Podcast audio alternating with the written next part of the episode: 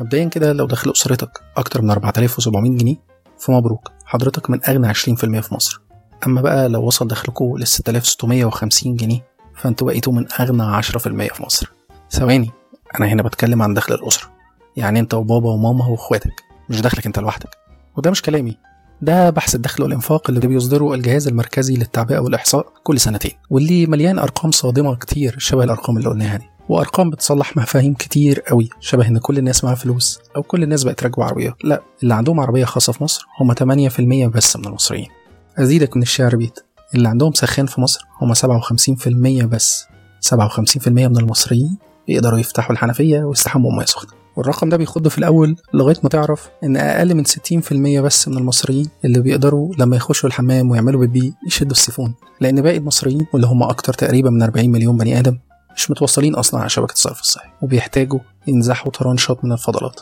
غالبا لو أنت من القاهرة أو من اسكندرية أو أي مركز حضري من مراكز المحافظات فأنت مش هتشوف الناس دي وأكيد مش هتشوفهم وأنت قاعد في البيت. عشان التقرير نفسه بيقول إن 28% بس من المصريين هم المتوصلين على شبكة الإنترنت وهم دول اللي طول النهار بيتكلموا وينكفوا في بعض. أما باقي المصريين فهم أوفلاين أنا بقول لكم الأرقام دي لسببين سبب هنتكلم عنه كمان شوية والسبب التاني عشان أطمنكم إن ب 4700 جنيه أنتوا بقيتوا من ال elite. من ال crème de la crème. فولع السيجار بقى وتعالى أقول لك الكلمتين اللي في نفسي. أهلا بيكم. إيه اللي هتعمله ده؟ هخبط بالعقل. أنا أحمد الشاذلي وده خبط بالعقل. خبط بالعقل. قبل ما أبدأ حابب أنوه إن التقرير هتلاقوه موجود كامل في ال description لو أنت على اليوتيوب. وتعليقات على صفحة الفيسبوك لو أنت بتسمعنا على أي platform تاني Apple Podcast أو SoundCloud ولو أنت أول مرة تسمع عن التقرير فأنت مديون زيي بشكر للصحفي محمد أبو الغيط اللي في مرة كتب عن التقرير ده في سنة 2016 مقال اسمه يا مجتمع ال 15% واللي كان سبب إني أتعرف على التقرير ده. هتلاقوه هو كمان في التعليقات. شكرا جدا محمد أبو الغيط. لو اتفاجئت من الأرقام اللي قلناها في البداية فأنت محتاج تسمع الخمس علامات اللي هنحكي عنهم. خمس علامات لو لمستهم في حياتك أو في المجتمع لازم توقف عندهم عشان دول جرس انذار خطير جدا. بس خليني أحكي لكم الحكاية بدأت معايا منين. في 2009 قريت رواية يوتوبيا للدكتور أحمد خالد توفيق الله يرحمه. الرواية أحداثها كانت بتدور في المستقبل اللي كان ساعتها 2021 تقريبا. واللي فيه أصحاب النفوذ والفلوس والسلطة بيهربوا للحياة داخل كومباوند كومباوند اسمه يوتوبيا واللي فيه كل متع الحياة وعايشين تحت حراسة أمنية مشددة. الفقراء بيدخلوا الكومباوند عشان يخدموا الأغنياء وبيخرجوا بالليل. وخارج الكومباوند كل شيء على النقيض فقر وجهل وجوع وأمراض. واللي بيفكر يتجاوز من الفقراء الأمن بيتعامل معاه. والأحداث بتبدأ لما شاب من الأغنياء بيخرج في غفلة من رجال الأمن إلى أحياء الفقراء ويحتك بيهم. كالعادة مش هحرق أحداث الرواية للي يحب يقراها. الرواية بتصور مستقبل بشع مرعب. في غير المقتدر بيداس بيتفرم بيتحول لمجرد فريسة للجهل والجوع والأمراض والموت. ومن يومها وأنا بخاف من الكومباوند بترعب لما بشوف إعلانات ال compounds خصوصا اللي بتستخدم خطاب شبه اهربوا من الفقراء وتعالوا استخبوا عندنا بخاف عشان بشوف إن الانفصال ده هو بداية المستقبل اللي رسمته الرواية وبشوية تأمل في حياتي اكتشفت إن أنا كمان انفصلت. انفصلت عن المجتمع ده. انفصلت نفسيا. ما بقتش شايفهم ومش عايزهم يشوفوني. وانفصلت في جزء من ثقافتي وأفكاري وشكل حياتي. وعملت كومباوند بتاعي كومباوند في خيالي بقيت عايش فيه ومش شايف أي حد بره اكتشفت إن الكومباوند مش لازم يكون بسور. في كمان كومباوند معنوي نرسمه حوالينا وبنعيش جواه ومش بنشوف أي حاجة براه الكومباوند ده اللي خلاك تتخض لما سمعت الأرقام اللي قلناها في أول كلامنا. خليني بقى أحكي لكم عن خمس علامات من علامات الاقتراب من اليوتوبيا. بس بتاعت أحمد خالد توفيق مش بتاعت أفلاطون.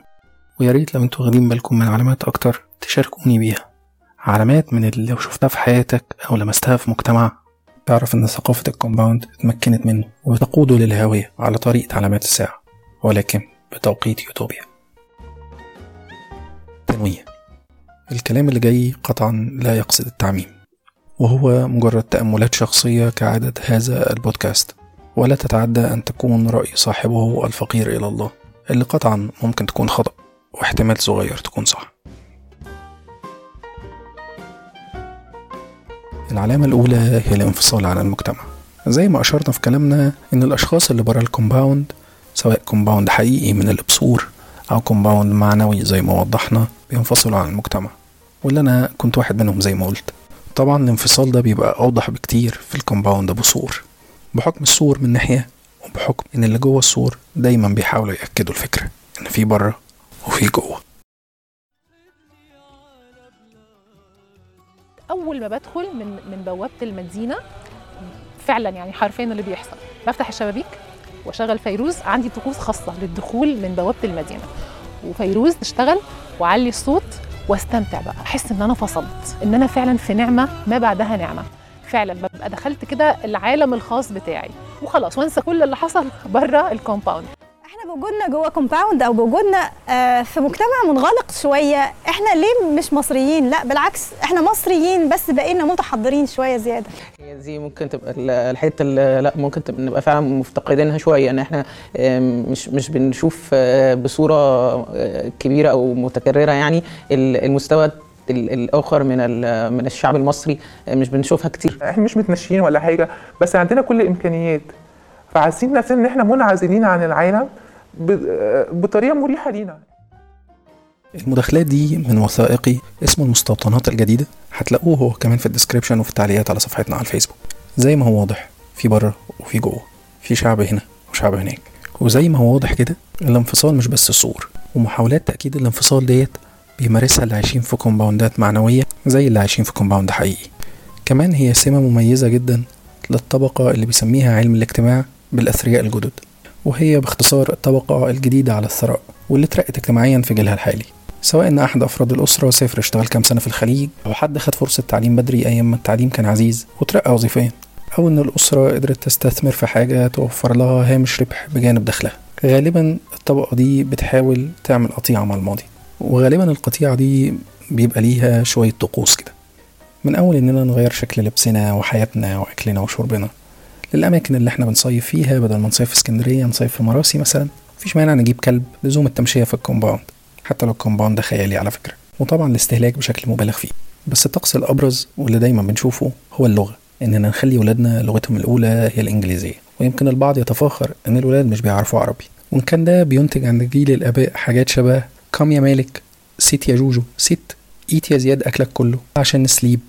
أي مساحة تأكد إن في إحنا وفي هم. في هنا وفي هناك.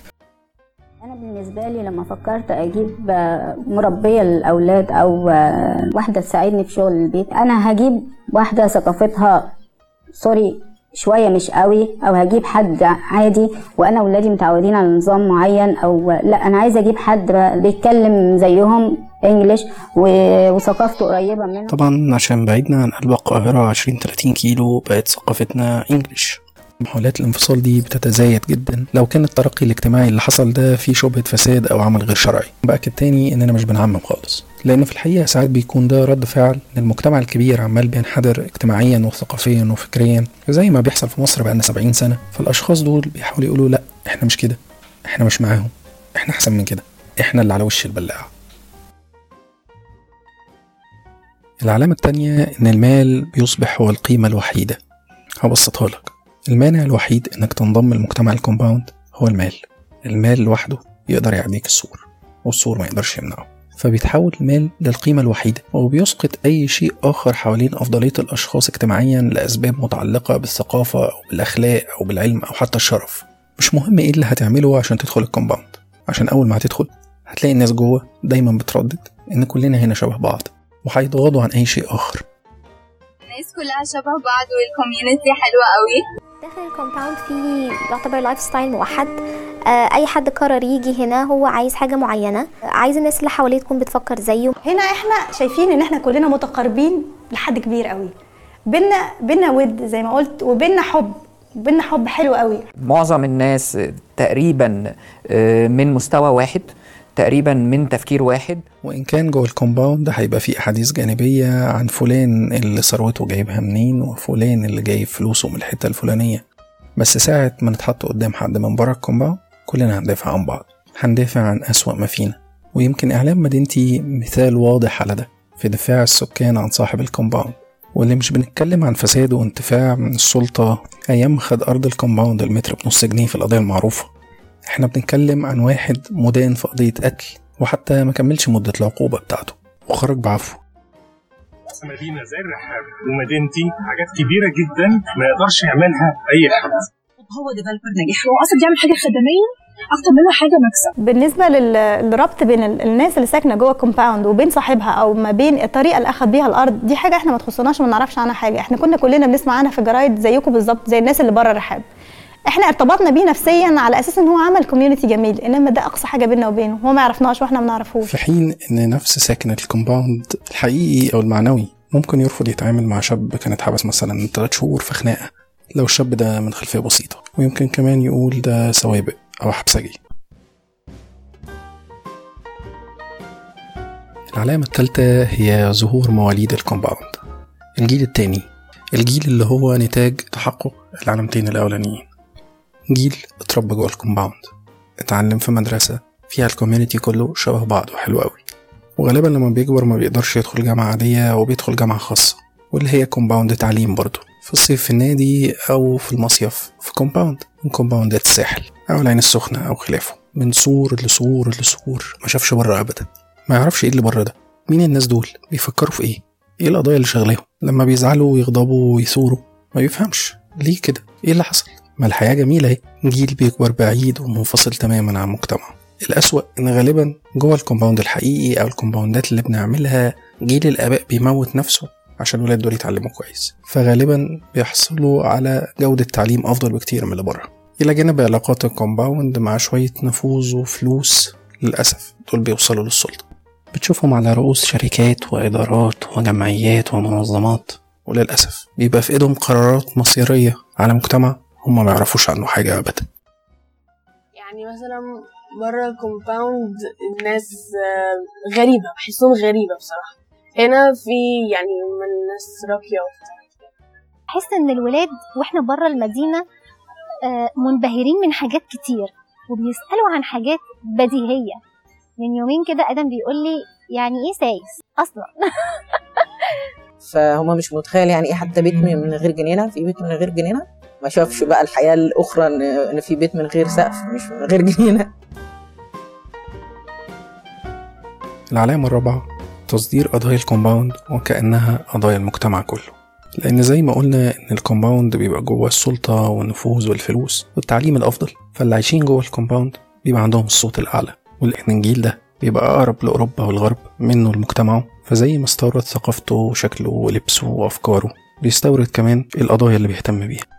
قضايا كده شبه مسلسلات رمضان لا تمت للناس بصلة. أحداثها وأشخاصها مش شبه الناس بتدور في أماكن مش شبه مصر. شوارع نظيفة وفيها خضرة حتى الحواري فيها نظيفة.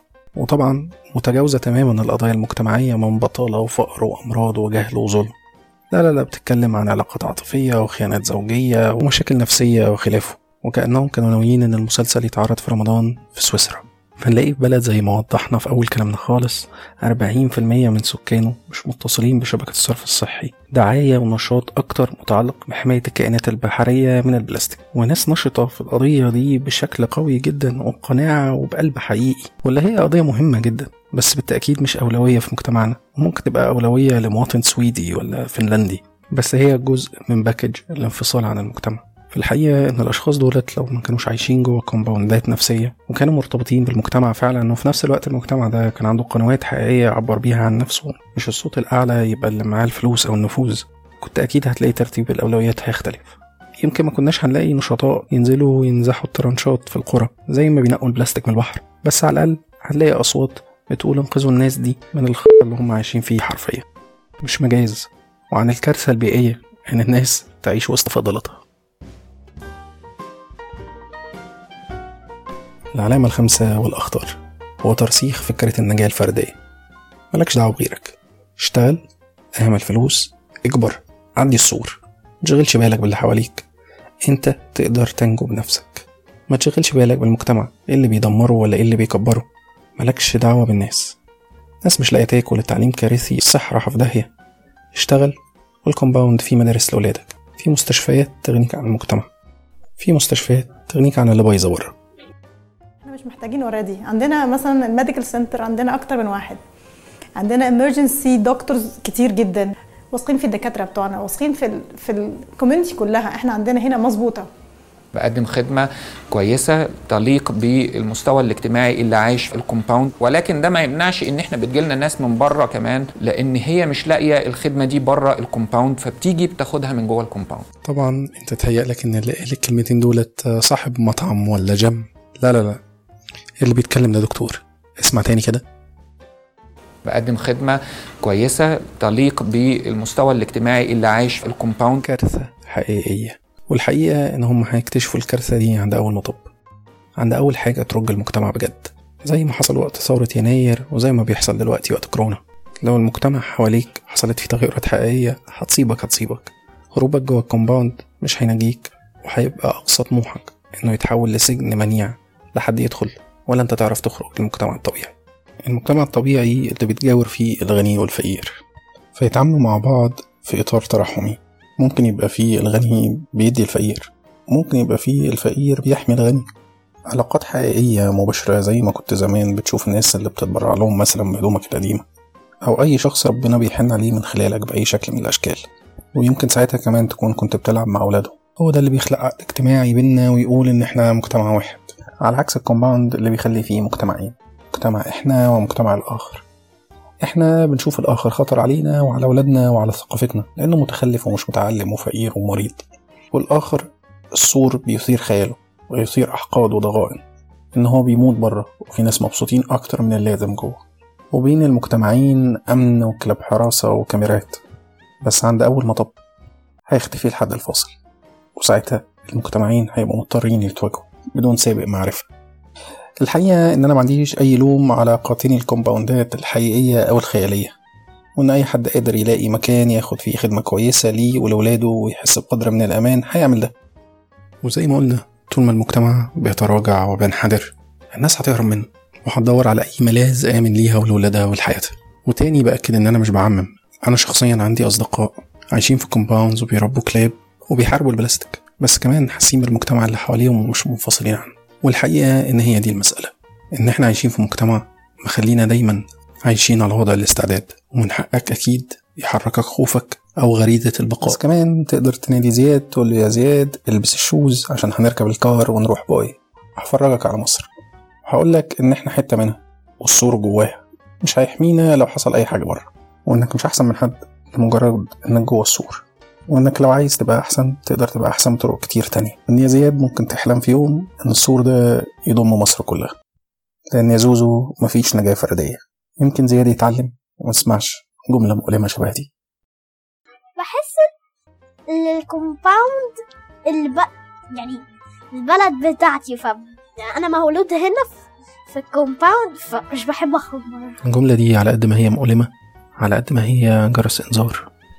قد يبدو إن الوضع تحت السيطرة وإن الكلام ده مبالغ فيه. بس هنا بتحضرني جملة قالها دكتور أحمد خالد توفيق في الرواية. إنك لما تسمع عبارة لا تقلق كل شيء تحت السيطرة فيجب أن نقلق جدا. أشوفكم بالعافية.